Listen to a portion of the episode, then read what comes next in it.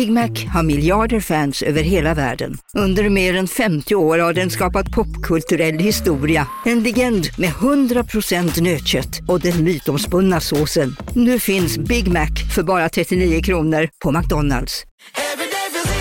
Som medlem hos Circle K är livet längs vägen extra bra. Just nu får du som ansluter dig 50 öre rabatt per liter på de tre första tankningarna och halva priset på en valfri biltvätt. Och ju mer du tankar, desto bättre rabatter får du. Välkommen till Circle K. Hej, Synoptik här. Livet med glasögon ska vara bekymmersfritt. Därför får du 30% på alla glasögon när du väljer Synoptik All Inclusive. All service ingår alltid. Välkommen till Synoptik. Martina var i total obalans efter upplevelser i barndomen och utvecklade ätstörningar redan som 11-åring. Efter en våldtäkt på en semesterresa rasade allt. När hennes sambo föreslog att hon skulle pröva homeopati hos Maria Wester startade läkningsprocessen på riktigt. Med hjälp av framförallt bikom bioresonans, homeopatmedel och yin-yoga läktes Martina både fysiskt och känslomässigt. Det var en fantastisk process som ledde till att hon får nypa sig i armen ibland för att inse hur bra hon mår idag. Vad är det då som gör att vissa människor kan förändra sina liv och andra blir kvar i något negativt och ibland destruktivt trots att hjälp finns att få? Ingen kan förändra oss. Det är bara vi själva som kan göra det som krävs. Naturligtvis behöver vi ta emot hjälp ibland. Det var det Martina gjorde. Hon gjorde även det som krävdes av henne till punkt och pricka för att kunna förändra sitt liv. Innan vårt samtal pratade Martina och jag om hennes livsväg utifrån hennes astrologiska karta. Jag ser hennes otroliga styrka som har hjälpt henne att klara av vardagen oberoende av vilka hinder hon har mött. Jag såg också att det är en djup mening med allt hon har gått igenom. Martina är målmedveten, ambitiös, intelligent, ihärdig och väldigt ansvarsfull. Och det är hon själv som har skapat det liv hon har idag. Martina jobbar som personal trainer och healer och kontakta gärna henne på Instagram, Tinas tankar. Så välkommen till Samtal med Liv. Mitt namn är Ann-Kristin Magnusson.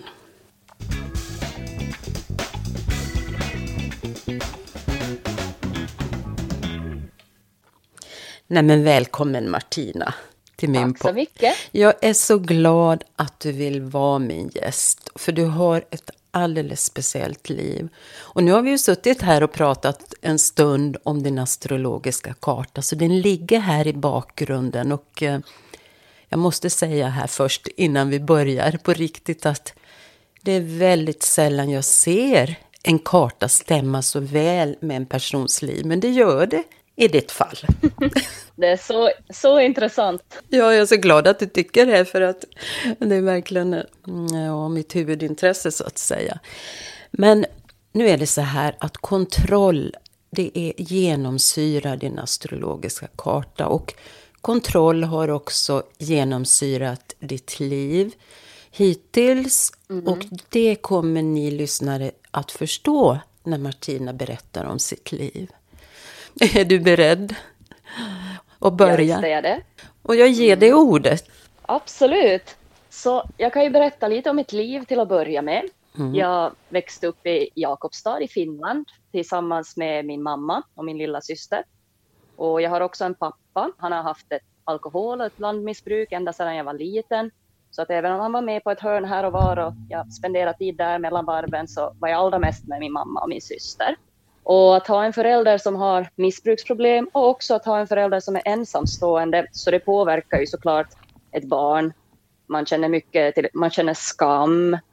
Och har man en förälder som lever ensam och tar hand om två barn och jobbar skiften och sånt, så det blir inte så mycket tid kanske för att sitta och småprata och de här grejerna eftersom att vardagsbestyren, det tar ju väldigt mycket tid och kraft av en förälder. Så att det blir också att jag många gånger känner mig kanske lite ensam att jag inte hade någon att vända mig till.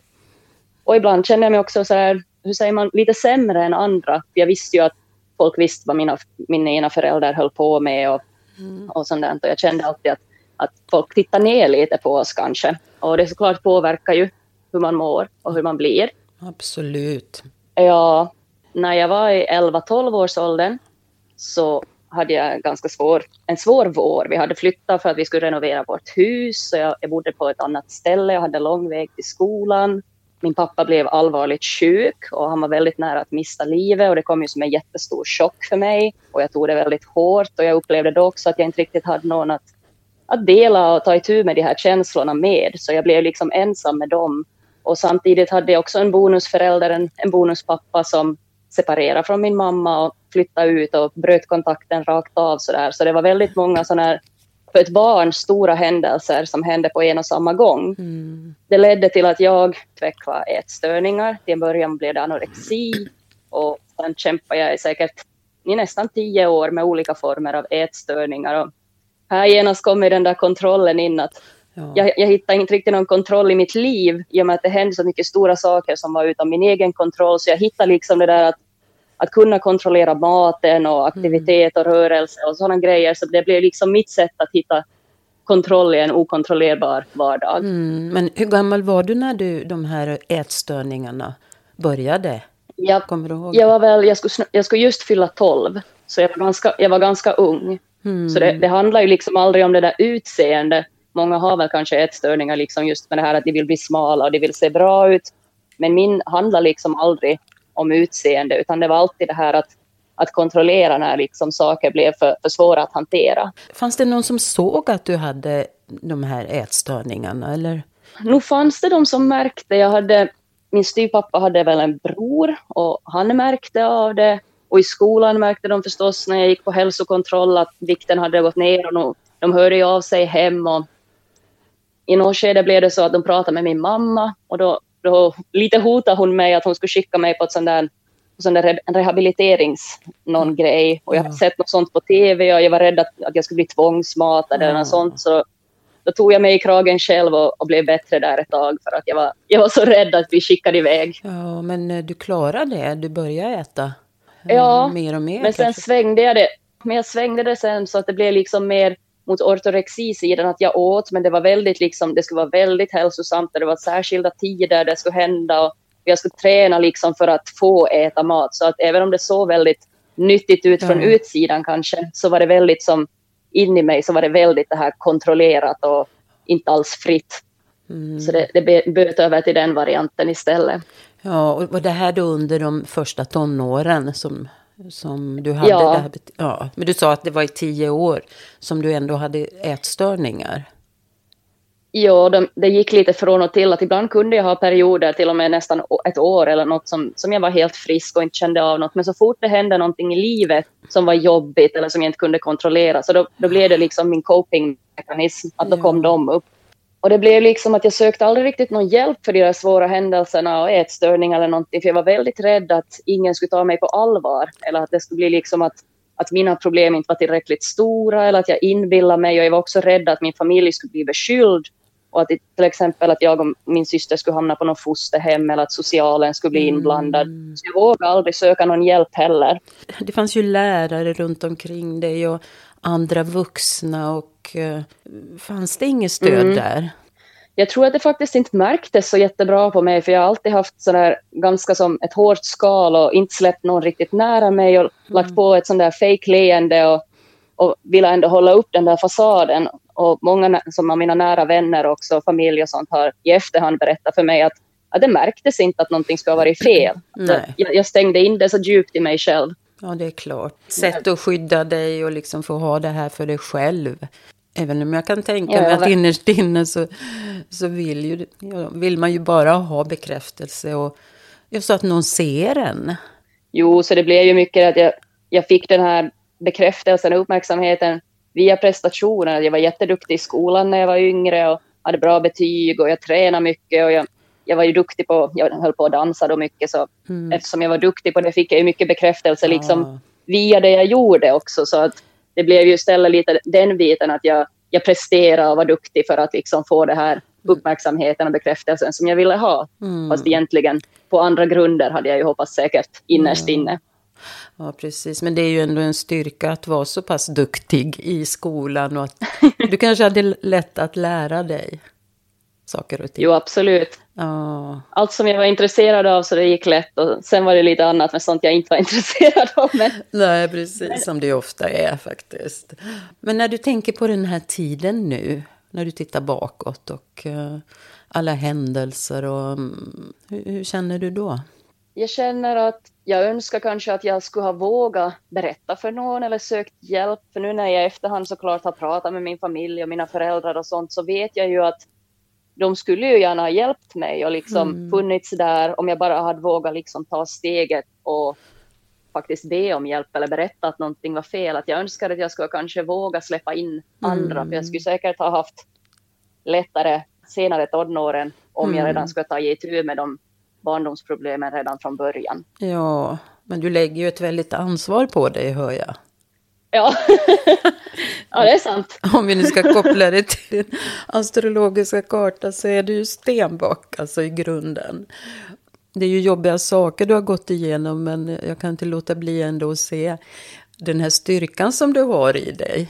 Och som jag då ser i ditt horoskop. Så det är ju, ja jag tycker det är fascinerande, men vi ska inte fastna i det nu, utan... Eh, Nej, men jag tänker just på det här ät, ätbeteendet och ätstörningar. Det var, ju, det var ju en jobbig del i det hela, men sen hade du ju också ett ganska bra liv med skola och du tränar mycket som du säger. Eller hur? Mm. Mm. Jo. Ja. Jo, jag har nog alltid haft den där, det där drivet liksom inifrån att både den där liksom viljan att leva och att ta sig framåt och att klara sig, att det, det, har alltid på något vis funnits i mig, att det är inget som jag har behövt liksom tvinga fram, utan, mm. utan det har i alla fall funnits där och fått mig att kämpa på mm. hela tiden. Det kunde ju ha varit helt annorlunda, för jag tänker på, du har ju ändå jobbiga upplevelser av din pappa då som kanske inte var så närvarande utifrån sin alkoholism och sen det här traumat mm. när din eh, ja, bonuspappa bara försvann. Han bara försvann som du sa, eller? Ja, det, det, blev så att det gjorde slut, han och min mamma, och han flyttade ut och sen blev det liksom att förstås också bryta kontakt med hela den familjen. Att det var ju mm. bonusfarmor och bonusfarfar och bonusbror bror och allting sånt som också liksom, det var många som föll bort liksom på en och samma gång. Mm. Ur tomma intet nästan. Mm. Så det blev ju en stor omställning för mig som var ganska liten ganska chockartat mm. också. För det var ju en person som jo. du verkar ha tyckt om. Jo, absolut. Mm. Att han ändå bott, bott hemma hos oss i nästan i tio år. Så att det blev ju verkligen som en, som en tredje förälder. Precis. Mm, men om vi går mm. tillbaka mm. till um, de här åren då, för nu är vi inne i tonåren, vad jag förstår. Ja, ja. absolut. Mm. Och eftersom jag inte då hade liksom bearbetat någon av de här tidigare traumorna så ledde det till att jag inte mådde så bra heller i tonåren, men det tog sig uttryck på helt andra sätt. Att då förstås som alla andra tonåringar, jag, jag hittade ju alkohol och till viss del droger. Jag gjorde mycket val som liksom saboterade för mig själv. Mm. Gjorde saker som jag kände att det här är inte riktigt jag, det här är inte riktigt rätt. Men jag på något vis mådde så dåligt från insidan och jag reflekterade inte heller över varifrån det kom. Jag tappade bort mig själv lite där. Mm fortsättningsvis hade förstås mycket ångest. Jag tänker på kompisar i den åldern. Så, ja. Jo, jag hade väldigt bra kompisar nog. Jag tog på mig den där rollen kanske att vara den där som var rolig, som inte brydde sig och som liksom försökte göra andra glada och mm. släppte mm. ingen riktigt nära mig och visa liksom hur jag mådde. För jag, jag vet jag vågar väl helt enkelt inte. Nej, men det, det är ganska typiskt att man tar på sig den rollen utifrån de erfarenheter som du har och att du har du har ju ett stort ansvar i dig, hör jag ju. Mm. Så jag tycker inte det är så jo, konstigt. Och det blir också ett skydd förstås. För att då slipper du visa hur du mår innerst inne. Och det kan ju vara ganska smärtsamt. Ja. ja. Jo, faktiskt. Jag, jag minns en danstränare som jag hade. Och hon blev arg på mig en gång och skickade ut mig ur danssalen. Och hon pratade med mig på efterhand och hon sa att hon tyckte det var så konstigt att jag bara stod och, och log och skrattade åt henne när, när hon gjorde en sån grej. Och jag hade inte ens liksom reflekterat själv över att jag gjorde någonting sånt. Att jag, oavsett vad som hände så satt jag liksom bara på det där leende och, och liksom mm. låtsades att jag skakade det av mig. liksom för att aldrig behöva visa de där liksom svagare känslorna. Att, att vara glad och vara arg, det gick för då var de där, det var de där starka. Mm. Men att vara ledsen och besviken och sårad, så det, det vågar jag bara inte visa. Nej. Men vad fint av dig att kunna reflektera över det idag. Egentligen var det ju bra att hon visade ut dig från danssalen. Som jag ser Ja, det. det var det. Men du, du, Absolut. du kanske inte tyckte det då, eller? Nej, inte precis då. Nej. Men jag förstod ju sen i efterhand och det är en bra grej att hon kom och pratade med mig sen efteråt också för att jag minns ju det ännu idag och tänker på det och liksom när jag tänker tillbaka, hur var jag och varför? Så Mm. det är ju en, sån, en viktig del som jag kommer ihåg. Ja, precis. Men vilken klok danslärare. Ja, Mm, men du mådde Mm. dåligt. Du var, du var fortfarande i tonåren, eller hur? ja, ja. Ja, men, men du visade inte utan du hade din sköld så att säga. Men den här skölden så kan man ju inte hålla hur länge som helst utan ofta är det väl så att det händer nya saker och då rämnar den. Men ja, hur var det i ditt fall? Ja, det tog lite längre ännu innan det rämnade. Jag fick min första pojkvän i slutet av nian och det var, det var faktiskt en jättebra person. Liksom, jag, jag brydde mig väldigt mycket om honom, vi spenderade väldigt mycket tid tillsammans. Så det var en sån där människa som jag faktiskt vågade öppna upp mig till och jag kände verkligen att, att han satt mig först och han brydde sig från hjärtat och sån här. Så under den tiden, några års tid där, så mådde jag ganska bra. Jag, jag liksom hade inga ätstörningar och jag kände att jag hade det där stödet. Men så började jag gymnasiet och jag tror jag gick på tvåan kanske, så då, då började märka av att de här gamla grejerna de kom upp till ytan och jag gjorde allt för att liksom stänga av det. Jag omgav mig med folk hela tiden. Jag, var, jag gjorde saker hela tiden bara för att liksom aldrig behöva stanna upp och känna mina känslor och höra mina tankar. Så det, jag tror jag hade fem sådana där sidojobb vid sidan av skolan och jag tränade ofta på gymmet på morgonen innan jag gick till skolan och stås öva på liksom för att skriva studenten. Så det var ju det var väldigt fullt och det ledde till att det blev inte så mycket tid över för min relation som slutligen sen gjorde också bland annat en del orsak till att det tog, tog slut. Och då, då blev det värre igen. Inte så För det konstigt. liksom min den där, nej det hade varit liksom min trygga punkt som jag hade stöd, stött mig upp efter. Och när den liksom försvann så då var jag ju plötsligt ensam där, kvar med alla problemen. Och då blev det jobbigare igen. Ja, det var ganska snabbt efter att det tog slut med den killen så, så hittade jag en ny för jag ville inte vara ensam och jag tänkte att men jag, jag försöker med någon annan och gör det lite bättre men det var inte alls samma typ av människa. Det var en människa som, som själv mådde ganska dåligt och jag tror det fanns eh, liksom psykisk ohälsa där i bakgrunden. För mig som själv också mådde dåligt så det blev ju inte alls bättre. Att jag försökte nu hjälpa och vara som stöd men jag märkte att när det inte hjälpte så drog det ner mig också ännu djupare i dåligt mående och det, ätstörningarna kom tillbaka. Och en morgon när jag gick på gymnasiet så vaknade jag och kände i hela kroppen att nu, nu vill jag inte leva längre. Och då förstod jag liksom att okej, nu, nu mår jag faktiskt så dåligt så nu måste jag våga söka hjälp. Så det var den första gången i hela livet som jag vågade gå till en skolkurator. Och då berättade jag, då var jag redan över 18 år, så jag visste att de, de kan inte blanda in min familj i och med att jag är vuxen. Så då, då vågade jag faktiskt gå dit och prata och jag fick jättebra hjälp. ja. Jag fick åka till en ätstörningsklinik och jag fick bra hjälp därifrån med allting. Så att då började jag ta tag första Ah. gången i, i saker och ting. ja, vad fint att du gjorde det. Åh. Mm, att du fick bra hjälp. Jo, jag hade stort stöd av kompisar också. De, de hjälpte mig. Jag hade särskilt en bästa vän då som hängde med mig dit till ätstörningskliniken och lyssnade på när jag pratade. Och det var nog ett jättebra stöd. Och det var ju jättesvårt för mig när jag, när jag skulle berätta för dem att jag, att jag gick dit. Jag minns att jag satt och skakade, och skakade på rösten och skakade i kroppen bara för att liksom berätta en sån enkel sak att jag har sökt lite hjälp. Ja, men det är väl inte så konstigt när, jag, när man tänker på din bakgrund och allting som du har upplevt Ja. och gått igenom. Mm. Jo, så det var ju svårt det där att visa att, att man, det gick inte så bra heller. Nej, precis. Men det var, ju skönt, det var ju jätteskönt att göra det sen faktiskt och att få det gjort. Att jag är väldigt stolt över mig själv. Det ska du vara. Ja. Ja, men men eh, kände du att du blev eh, bra nu?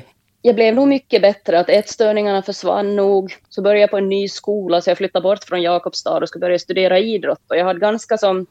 Det var viktigt för mig att inte ha ätstörningar när jag skulle studera idrott, för jag ville verkligen vara en bra förebild för mina framtida kunder och jag ville liksom jag ville ha, inte ha liksom sjuka ideal, utan jag ville faktiskt förstå att hur mycket tränar en liksom normal människa som inte har de här tvångstankarna och hur mm. äter man normalt och mm. så därför jag ville ändå liksom vara sund för mm. dem som jag skulle lära någonting. Så, så jag verkligen tog tag i det då. Det gick helt, helt bra nog ett tag. Träffade jag en ny kille, mm. vi var tillsammans ganska länge och det förhållandet, så det var nog det som riktigt tog koll på mig till sist, att vi åkte till det här, min dåvarande partners hemland och där blev jag våldtagen Oj.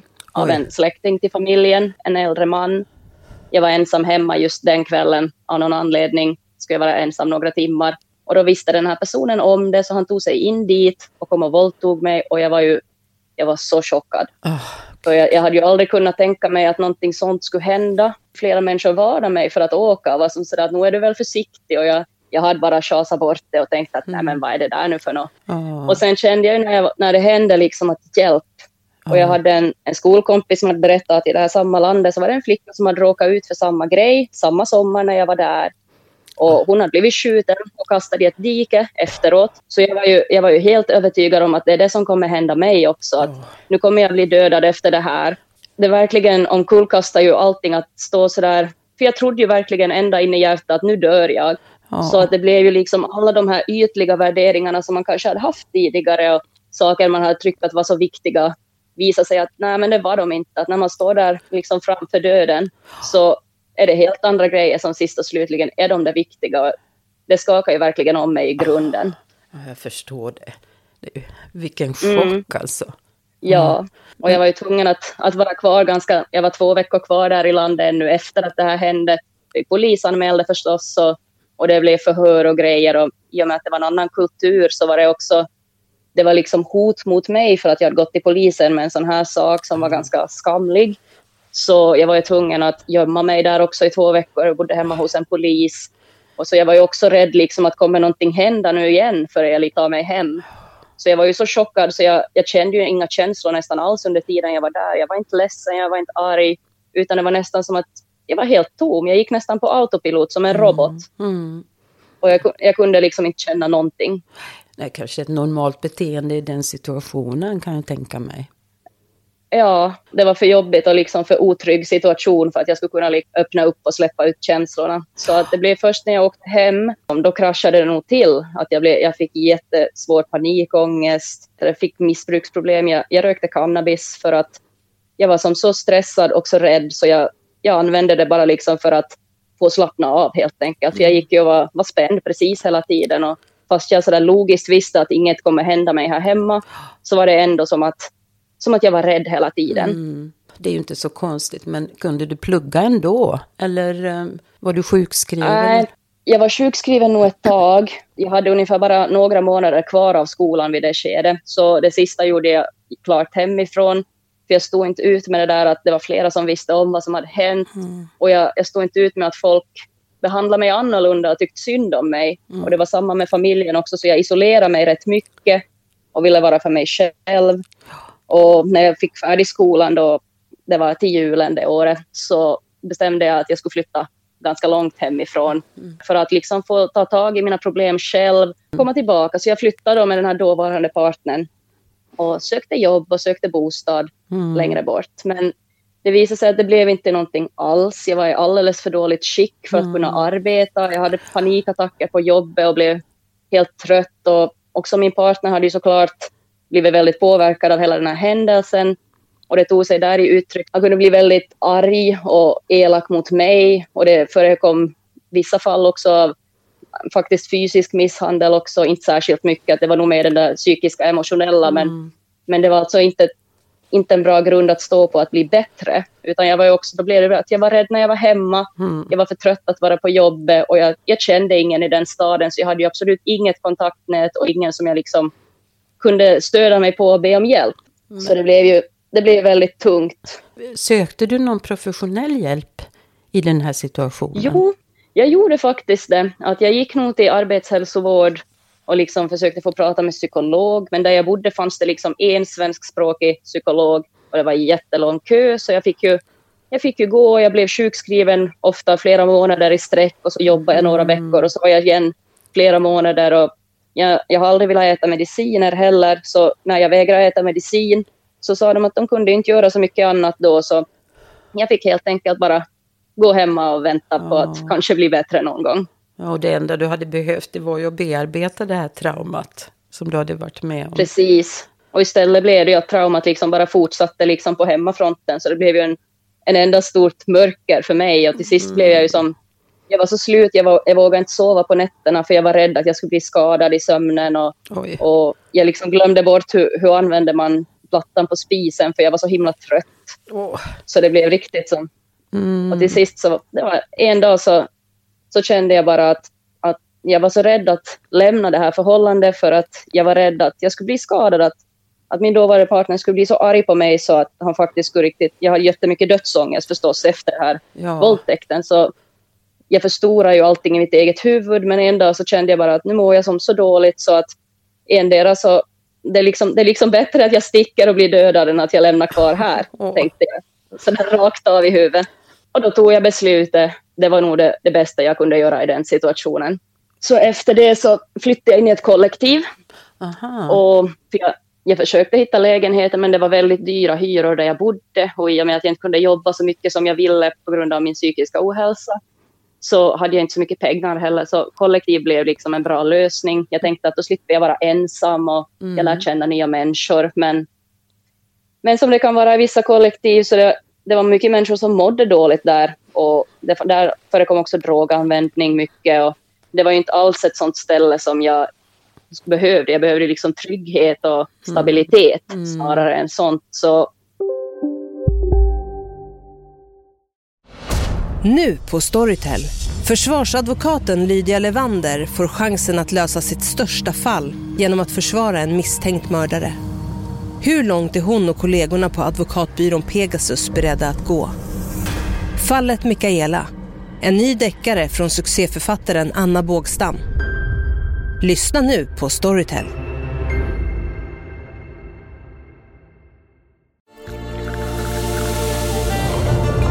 Välkommen till Maccafé på utvalda McDonalds restauranger med Baristakaffe till rimligt pris. Vad sägs om en latte eller cappuccino för bara 35 kronor? Alltid gjorda av våra utbildade baristor. Hej Sverige! Apoteket finns här för dig och alla du tycker om. Nu hittar du extra bra pris på massor av produkter hos oss. Allt för att du ska må bra. Välkommen till oss på Apoteket.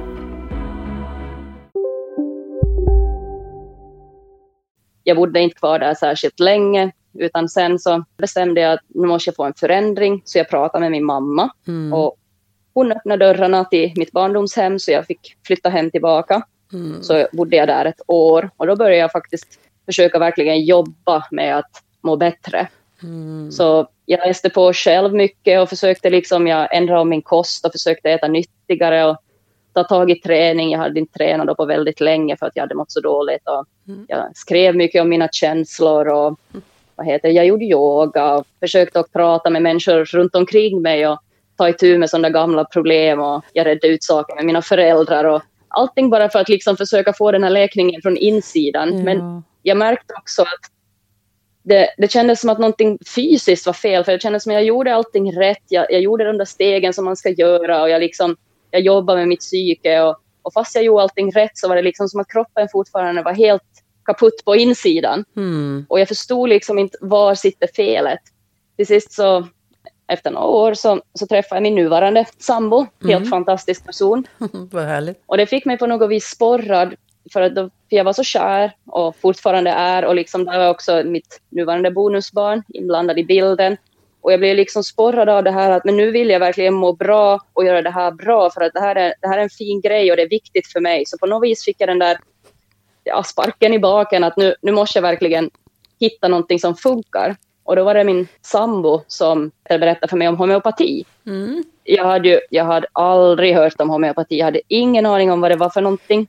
Men han var bombsäker, han sa att det funkar, han har sett att det funkar och det är nog precis vad jag behöver. Och, och såklart så litar jag ju på honom för jag är kär som jag är så, jag, jag, tror ju på vad han säger. Så jag bestämde att jag har gett så, så, många grejer har jag gett en chans som inte har fungerat så jag tänkte att men, jag måste väl ge det en chans i alla fall. Mm. Så jag får med, med öppet sinne och hade ingen aning om vad jag skulle förvänta mig. for jag till Maria Wester i, i Marias nycklar i Kajtsor. Mm. Och det var nog där som min riktiga läkning började. Åh. För att, ja, hon lyssnade ju på mig. Jag, jag var där väldigt länge första gången. Jag tror jag var där nästan två timmar och bara pratade och svarade på frågor. Och jag fick bioresonansterapi och vi, vi letade ut ett homeopatmedel och jättemycket vitaminer och liksom mineraler som skulle stödja kroppens läkning. Och jag, jag visste ju inte riktigt vad jag skulle tro, för jag hade ju aldrig hört liksom någonting om de här medlen eller bioresonans, så jag fattade inte liksom jag fattade inte vad som hände heller. Men sen gick det vet du, fort. Jag fick en lång lista på, på saker som jag, jag borde utesluta ur kosten för att hjälpa min kropp. Och det gjorde jag till punkt och pricka. Och de första dagarna så... Självklart. Ja, precis vad jag tänkte ja, när du sa det. och de första dagarna så Maria berättade för mig också att det, det, kan bli en först försämring, men det är inget att vara rädd för, för att det betyder att, att då, då sätter det igång någonting. Så att de första dagarna, första två dagarna tror jag, då mådde jag riktigt illa. Jag hade inte lust att äta någonting och vad jag än satt i mig så det var nästan så att jag spydde upp det på nytt. Och, och jag, jag hade riktigt depressionskänslor, jag grät mycket och jag förstod inte att vad är det här? Jag, fick näst, jag, må, jag var tvungen att skicka ett meddelande åt Maria och fråga att är det här verkligen normalt? Ja. Men hon lugnade ner mig och sa jo, vänta lite bara.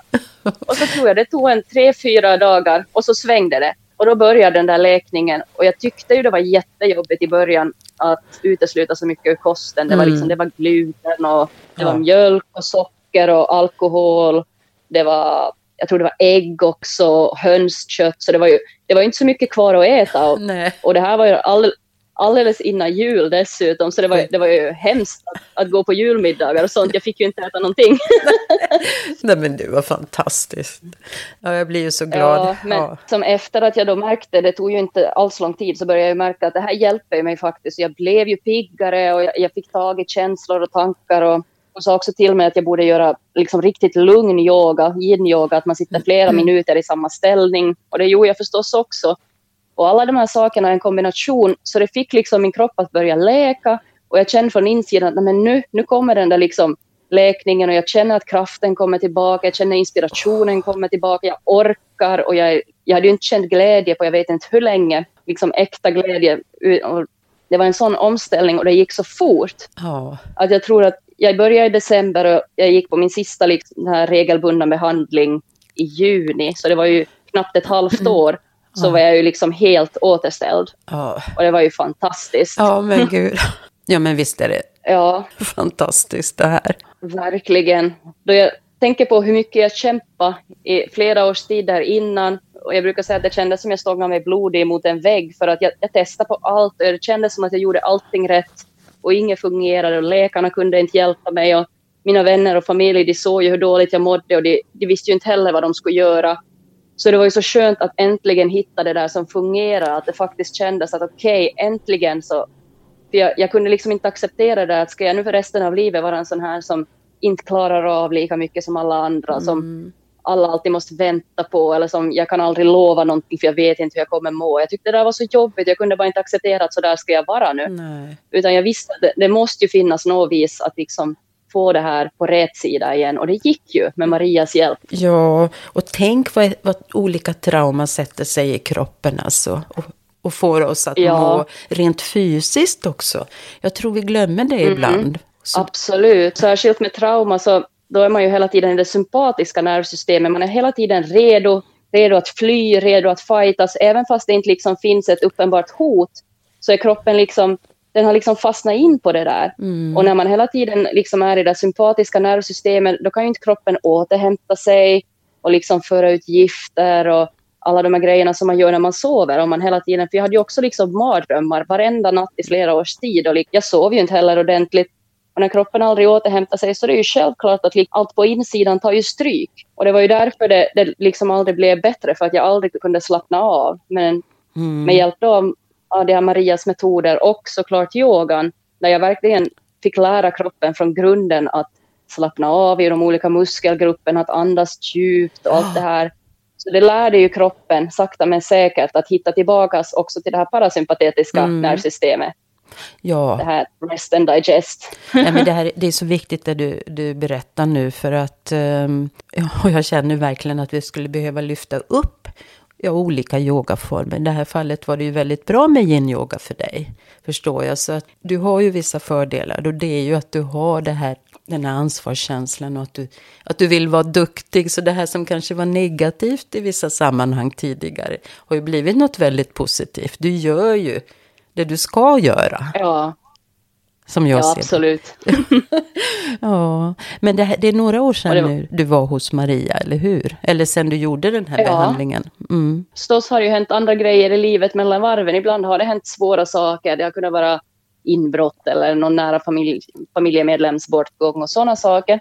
Och då har jag fortsättningsvis kunnat gå till Maria och fått hjälp av bioresonansen att liksom stödja upp och varje gång har det hjälpt mig att det har kunnat ta en halv dag eller en dag. Så jag har liksom varit tillbaka på fötterna. Att jag har fortsättningsvis så tar jag hjälp av henne alltid när jag känner att nu, nu behöver jag lite hjälp med någonting. För jag vet att det funkar. Ja, just det. Lyckliga du som bor så nära henne.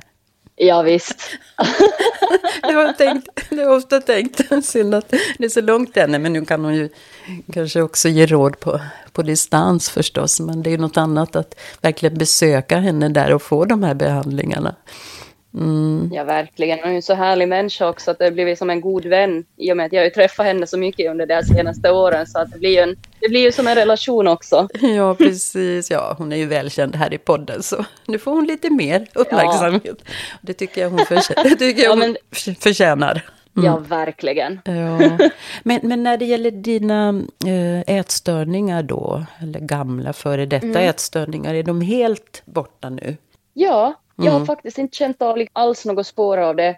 Självklart är jag fortfarande väldigt noga i och med att jag, jag jobbar som PT och som instruktör så jag tränar ju mycket och jag äter väldigt hälsosamt så jag är ju alltid väldigt noga att inte falla tillbaka liksom sådär i misstag. Att jag är noga med att helgerna ska vara lediga, då, då har jag inga dieter och jag äter precis vad som helst och, och försöker att lugna ner kroppen. Och sen igen mm. in i veckorna då jag ska prestera så är jag lite mer noggrann. Men jag måste vara väldigt noga med mig själv så att inte liksom, det går väldigt lätt över. Att det blir för kontrollerat och för noga. Så att, men eftersom jag är medveten om det så är jag mm. väldigt försiktig. Ja, precis. Och det här är ju ett mönster, det här med kontroll, som uppstod väldigt tidigt i ditt liv, ser jag ju i din karta också. Och mm. det, det tar tid att jobba bort de här mönstren. För att de är ju så kopplade till våra känslor också. Och alla våra upplevelser. Absolut. Och den är ju väldigt stark i ditt horoskop. För du har ju ett antal aspekter till Pluto. Pluto är ditt första hus. Och så att... Eh, och man kan ju säga så här att um, nu är det inte så att planeter har olika krafter utan de symboliserar ju olika krafter kan man väl säga. Men när, när man som du då har Pluto i första huset så har man ju också en väldigt dold styrka.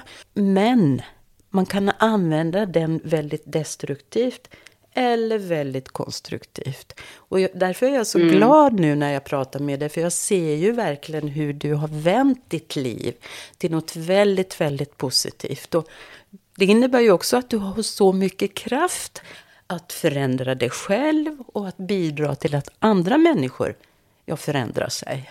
Ja. Ja, jag tycker det är helt det är fantastiskt. Ja, det är verkligen ett mål som jag har i alla de arbeten jag gör. Att om jag, jag healar ju också människor och försöker få dem att må bättre. Och jag, jag tränar och hjälper med kosten för att få dem att må bättre. Och jag jobbar också som erfarenhetsexpert och liksom berättar om min livshistoria.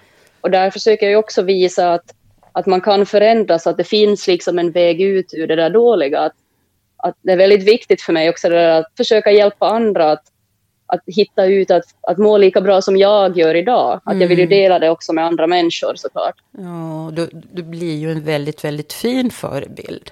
För att du är öppen och ärlig och autentisk. Och det innebär ju också att människor lyssnar på dig. Ja, jag hoppas det. ja, men jag är övertygad om, och du är ju inte så gammal än, eller hur? Nej, kan... nej, jag är 27. Ja. ja, men det är helt otroligt. Och du vet, när du nämnde healingen här så ser ju jag det också i din karta att du har, du har sådana aspekter som visar på en latent healingförmåga som du kan utveckla väldigt, väldigt mycket. Om du vill. Ja. Och den går ju parallellt med din egen inre utveckling. För nu har du pratat om eh, kroppen och hur kroppen har reagerat eh, på traumat och du har fått hjälp med på olika sätt att bygga upp din kropp. Samtidigt som du är väldigt eh, medveten och klarsynt och väldigt intelligent, hör jag, när du berättar om ditt liv, så ja. ser ju jag också att du utifrån det som man kallar för transiter inom astrologin, att du kommer att gå in i en period där det är dags för en djupare läkning om ett tag. Mm. Vi pratade ju faktiskt om det här innan och eh, ja, om du vill dela med dig lite av det. För jag ser ju här att, ja. att um, nu börjar det bli dags för att du verkligen jobbar med ditt innersta och det här Eh, det inre barnet i dig och det inre barnets eh, sår så att säga. Så att det börjar ske en läkning även där.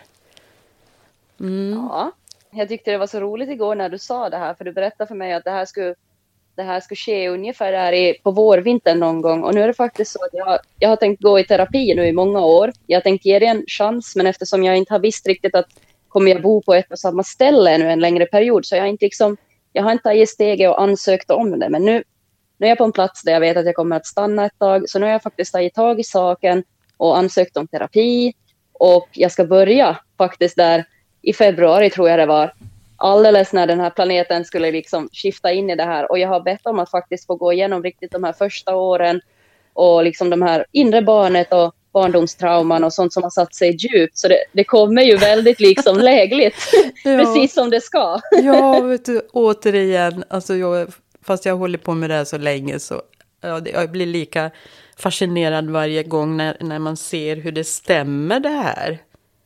Allting stämmer, ja. allting finns i vår livsplan. Mm. Och sen, sen exakt hur det fungerar kanske inte är så intressant, men att det alltid fungerar. Det är jag så övertygad om Ja, men det är ju så. Ja, nej men det, det går ju från klarhet till klarhet. Och jag blir ju naturligtvis väldigt lycklig utifrån ja, min profession och allt det här som jag gör. När jag hör dig berätta det här, för att det visar ju också att du eh, att du har en inre kunskap om hur viktigt det är att läka dig själv och läka de här såren. Nu när du ska jobba med mm. människor som du gör och kommer att göra och, och verkligen kommer att göra under många år. Jo. Och du kommer att vidareutveckla det, det ser jag ju också väldigt tydligt ja. i, i, din jag, karta.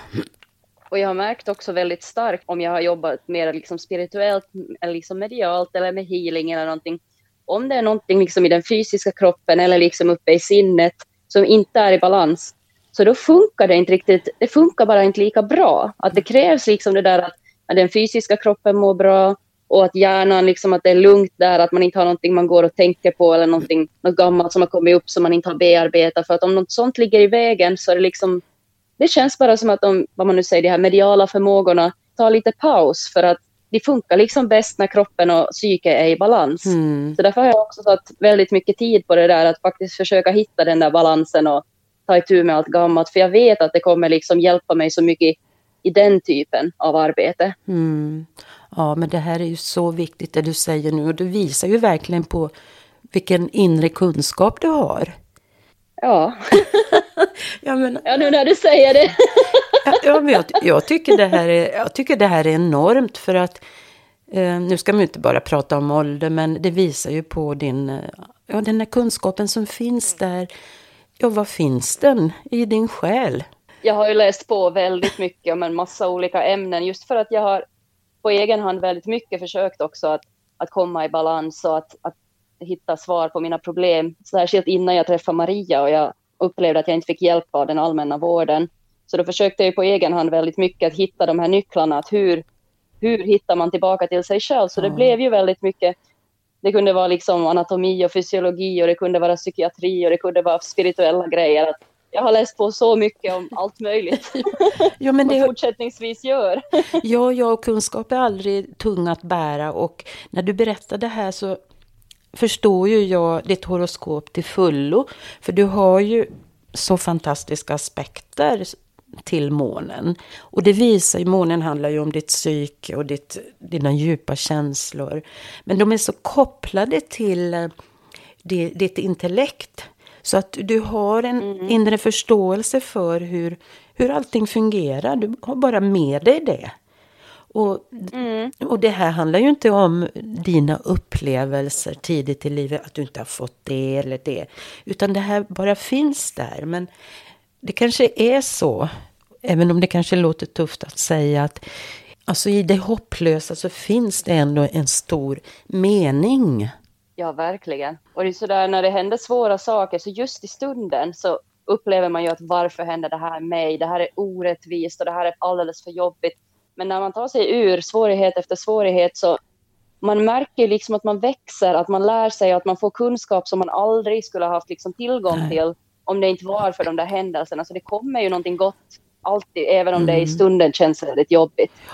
Precis. Mm. Ja, men du är så rätt ute och um, alltså jag blir så övertygad om hur Ja, allt du säger är ju så viktigt, men jag menar du har ju, du har ju allt för att verkligen sprida det här ditt budskap och din kunskap och ja, allt det här kloka som du har berättat här idag.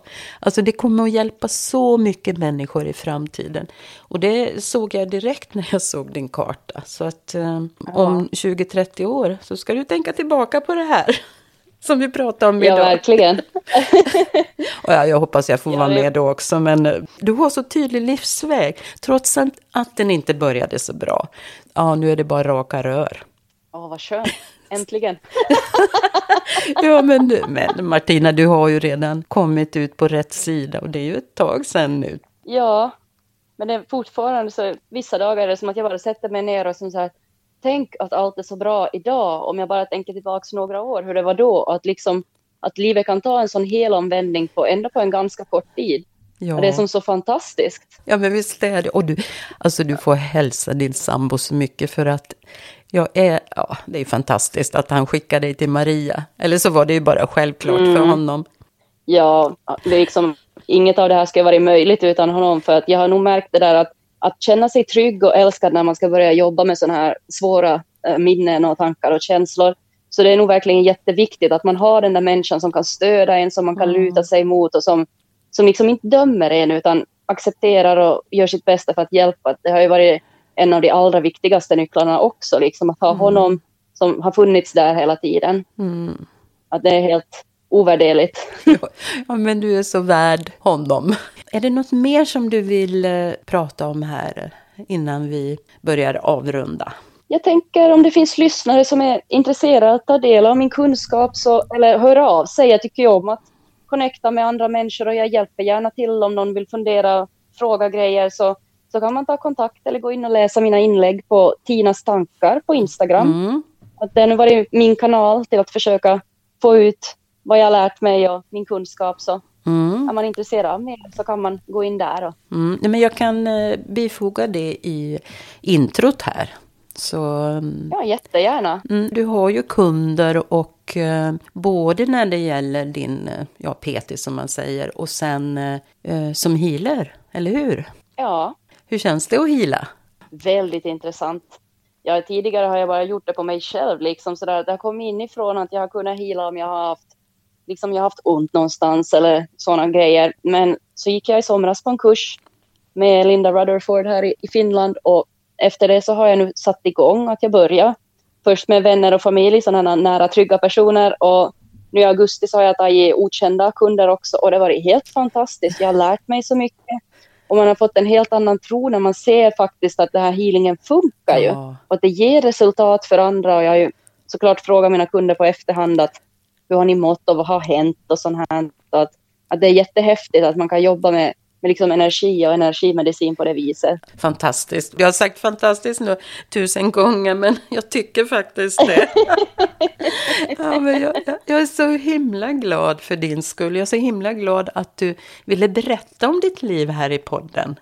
Ja, men jättegärna. Om det kan hjälpa ens någon eller vara av intressevärde för någon så jag gillar ju att prata. Så. du har ju talets gåva så det är ju inga problem. Nej.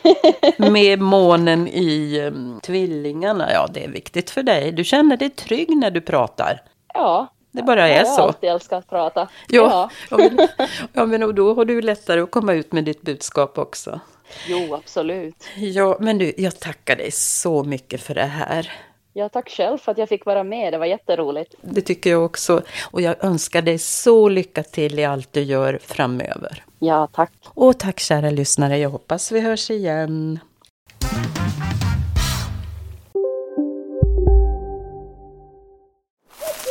Okej hörni, gänget!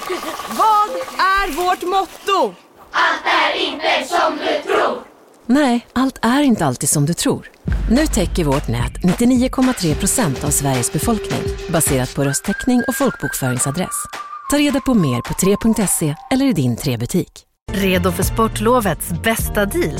Ta med familjen och njut av en Big Mac, McFeast eller Cooper Cheese och Company plus en valfri Happy Meal för bara 100 kronor. Happy Sportlovs deal, bara på McDonalds. Hej, Susanne Axel här. När du gör som jag och listar dig på en av Krys vårdcentraler får du en fast läkarkontakt som kan din sjukdomshistoria. Du får träffa erfarna specialister, tillgång till lättakuten och så kan du chatta med vårdpersonalen. Så gör ditt viktigaste val idag, lista dig hos Kry.